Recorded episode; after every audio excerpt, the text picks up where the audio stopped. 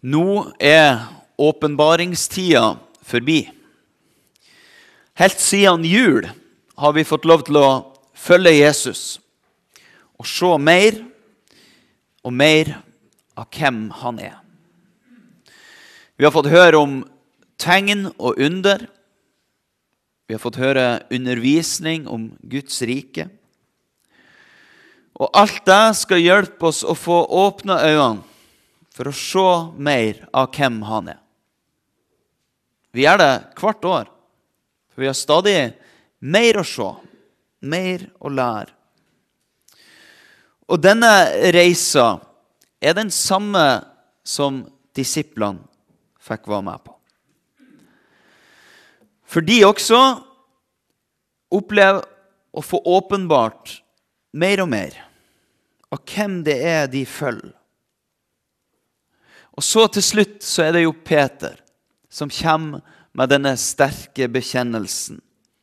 Du er Messias, den levende Guds sønn. Yes! Endelig noe som ikke bare er i nærheten av målet, men som treffer midt i blinken. Og da skulle man jo kanskje tro at Peter hadde bestått sin eksamen at det var klart for diplomutdeling. Men det skal vise at den vanskeligste lærdommen, den gjenstår ennå. La oss be. Herre, vi takker deg for ordet ditt til oss. Vi ber om at du gir oss lys, så vi kan se og forstå så vi ikke gjør hjertene våre hard, men så vi tar imot. Og vi ber Herre om at det kan bli til liv for oss, til omvendelse og fornyelse. At det kan bære frukt i våre liv. For Jesu Kristi skyld. Amen. Dette hellige evangeliet står skrevet hos evangelisten Matteus i det 16. kapittel. Vi leser vers 21 til 23 i Jesu navn. Fra da av begynte Jesus Kristus å gjøre det klart for disiplene sine at han måtte dra til Jerusalem, og at de eldste, overprestene og de skriftlærde skulle la ham lide mye. Han skulle bli slått i hjel, og den tredje dagen skulle han reises opp. Da tok Peter ham til side og ga seg til å irettesette ham. Gud fri deg, Herre! Dette må aldri hende deg. Men Jesus snudde seg og sa til Peter, Vik bak meg, Satan. Du vil føre meg til fall. Du har ikke tanke for det som Gud vil, bare for det som mennesker vil. Slik lyder Herrens ord. Hellige Far, hellige oss i sannheten. Ditt ord er sannhet. Amen.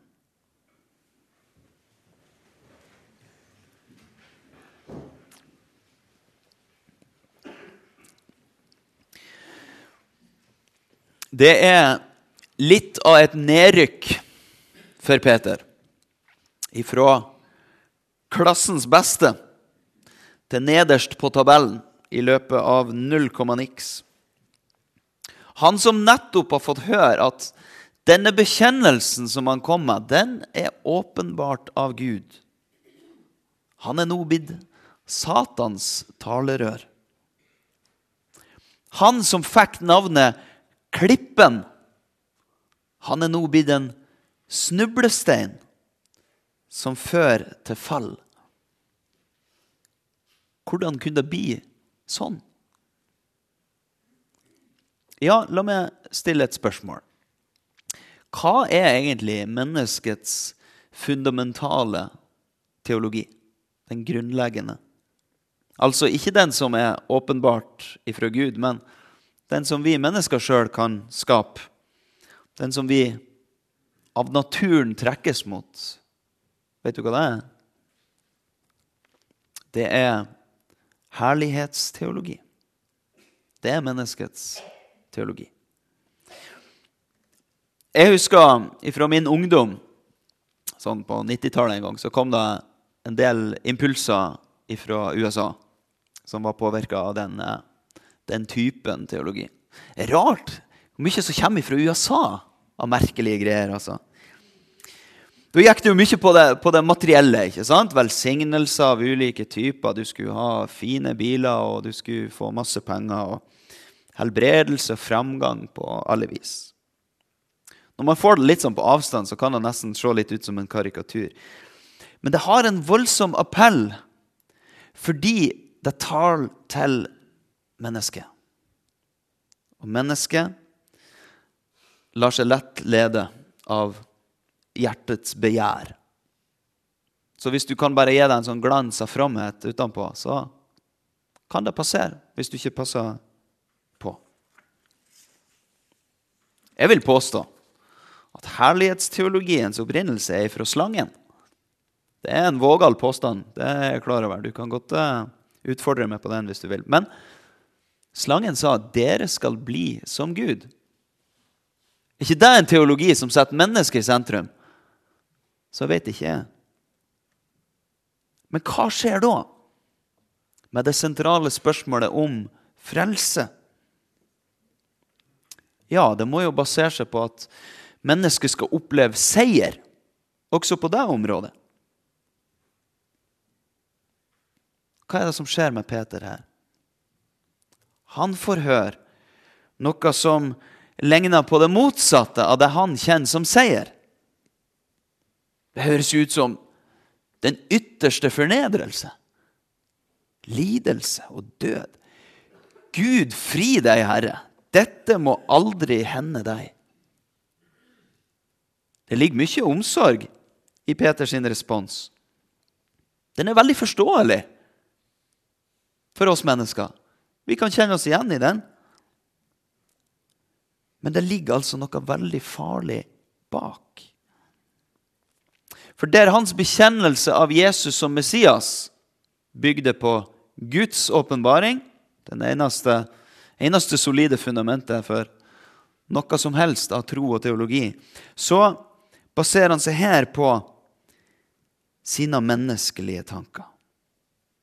Og mennesket kan tenke ut mye klokt, det er ikke det? Men når det kommer til Guds vei, så leder menneskets tanker på villspor. Fordi menneskets tanker har jo sans for det mennesker vil. Ikke sant? Og det er selve kjernen i det vi kan kalle herlighetsteologi. Det er menneskets herlighet som står i sentrum. Men det er ikke det det handler om. skjønner du. Det handler om Guds herlighet. Og det har en pris som vi mennesker av naturen ikke skjønner oss på. Det er den prisen Jesus nå skal betale. Og Det er derfor han reagerer så sterkt som han gjør. Når det står at Jesus snur seg, så har jeg mange ganger tenkt at han liksom snur seg mot Peter og sier det her, vik bak meg. Men antageligvis skal vi forstå det motsatt. sant? For han er blitt tatt til sides av Peter. De er vendt mot hverandre. Og Peter irettesetter han og sier dette må aldri hende deg. Så snur Jesus seg med ryggen til og sier, 'Vik bak meg, Satan'. Altså Han omvender seg ifra Peter. Og det forlokkende budskapet han er blitt et talerør for. Når han sier 'vik bak meg, Satan', så er jo ikke det sånn å forstå at han mener at Peter plutselig er blitt besatt. Men gjennom det menneskelige budskapet som Peter legger fram, så hører han fristerens stemme. Du må huske på det at hvert menneske er påvirka av slangens gift ifra fallet. Og Derfor så bærer vi med oss det som setter mennesket i sentrum. Det som ikke har sans for Guds tanker. Og Jesus har møtt denne stemmen før. Husker du det? Det var den som lokka han med herlighetsteologi. Han fikk tilbud om alt, all verdens rikdom og herlighet, hvis Jesus bare ville falle ned og tilbe han, fristeren. Det er en reell fristelse det dreier seg om her. For Jesus visste godt hvilken pris det var han snart skulle betale. Og som sant menneske så skalv han overfor den tanken. Det skal vi få møte igjen når vi treffer på han i Getsemane. Så får vi se det. Kunne det finnes en vei utenom lidelse og død? Ja, så er det jo klart at det var forlokkende. Og nå tales de her forlokkende ordene av hans egen venn. Men Jesus identifiserer kilden til ordene, og derfor svarer han så strengt som han gjør. Fordi da ville hans venn, klippen, ha blitt til en snublestein som førte til fall. Og det fallet som ble til fall for den første Adam, ville blitt et fall for Jesus. Og da hadde vi ikke hatt den andre Adam som kunne rette opp. Så nå går altså Jesu vei mot Jerusalem, mot Golgata og korset. Guds vei er uforståelig for oss mennesker. Men den eneste veien som fører til frelse hans lidelse og død var nødvendig. Jeg har nevnt det før at nå driver jeg på å lese denne årsbibelen på nytt. Jeg ble litt hekta, kan du si. Um, sånn at uh, en kopp kaffe og dagens avsnitt det er blitt min rytme tidlig på morgenen. Og nå er jeg altså kommet til tredje Mosebok, så dere kan ha sympati for at morgenen min er litt tøff for tida. For der er det ofring med her og ofring med der. Det er fett og kjøtt, og det er blod som strykes og skvettes og stenkes og jeg vet ikke hva. Men så er jeg blitt obs på en ting. For jeg har alltid tenkt at dette er et forbilde på Jesu offerdød på korset og hans blod som utøses til syndenes forlatelse. Men nå har jeg fått meg litt undervisning på det området der, og det viser at det er ikke helt presist. Det er heller sånn som hebreerbrevet sier, at det er en skygge bare av det som skulle komme. For når vi leser om all denne ofringa i tredje Mosebok, så gjelder det uforvarende synd. Altså om du skulle komme i kontakt med en død kropp, f.eks., sånn at du blir urein, eller du gjør noe som du ikke visste var galt, og når du blir gjort oppmerksom på det, så kan det bæres fram et syndoffer. Men hva med det vi kunne kalle ekte synd? Noe som du vet du ikke skal gjøre, og så gjør du det likevel. Så du finner på å være utro eller slå noen i hjel eller noe sånt. Hva er løsninga da? Hva slags offer skal du da bære fram? Det fins ikke. Hva er løsninga på det i tredje Mosebok? Det er at du blir utstøtt ifra folket. Eller drept. Så alvorlig er det. Det fins ingen offer for sånt. Så hvis du vil være herlighetsteolog, da kan du prøve å stille det framfor Gud og kreve det du fortjener.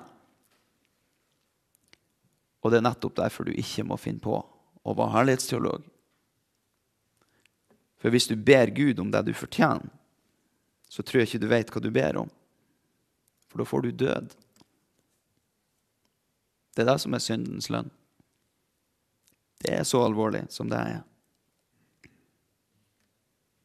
Og det er nettopp det som står på spill når Jesus legger fram Guds vei for disiplene. For syndens makt er stor og alvorlig, og det trengs noe som er sterkere. Og Heldigvis så er det da sånn at Jesu offer er større enn syndens makt. Hans blod det er noe helt annet, har jeg skjønt, enn blodet fra væra og bukker og okser. Det har evnen til å slette ut all synd. Det kan du tenke på når du innbys til nattverdbordet i dag. Det brødet som du får lagt i handa, som til forveksling kan ligne på en mynt. Det var prisen Jesus var villig til å betale med sitt liv for å kjøpe det fri. Vinen som vi får, den nye pakt i hans blod, som utøses til syndenes forlatelse. Det var Guds vei og den viste seg å være langt bedre enn alle mennesketanker. Så når vi nå går inn i fastetida, så kan vi bruke den til å rydde opp. Og til å rydde vekk det vi måtte finne av herlighetsteologi. For den har nemlig en tendens til å snike seg inn hvor enn det finnes mennesker. Så det vil si overalt. Og i stedet så kan vi lære oss korsteologi, for det er den som er åpenbart oss av Gud. Vi kan få ta opp vårt kors og gå sammen med Jesus. Nå til slutt så kan vi vende tilbake igjen til Peter. For han hadde jo skaffa seg erfaring med det her. Både det å bygge på Guds åpenbaring og det å bygge på det som kom opp i hans egen tanke. Og trodde du at han har nådd bunnpunktet nå? Nei, han skal lenger ned. I fornektelse og svik. Han fikk virkelig avslørt hva som bor i dypet av mennesket. Og det er en tung vei å gå når vi får avslørt steingrunn i oss sjøl. Men Peter er et godt eksempel, for han fant oppreisning og liv når han vendte om til Jesus. Så du kan fortsette når du kommer hjem. Du kan finne fram Peters brev i Det nye testamentet og lese de. For da vil du se at du finner visdom ifra en som har lært korsets vei. En som har nådd fram til visdom i spørsmålet om lidelse. For korsets vei, det er en vei som du går sammen med Jesus. Og da er du trygg uansett hva du møter. Ære være Faderen og Sønnen og Den hellige ånd, som var, er og være skal, en sann Gud, fra evighet og til evighet. Amen.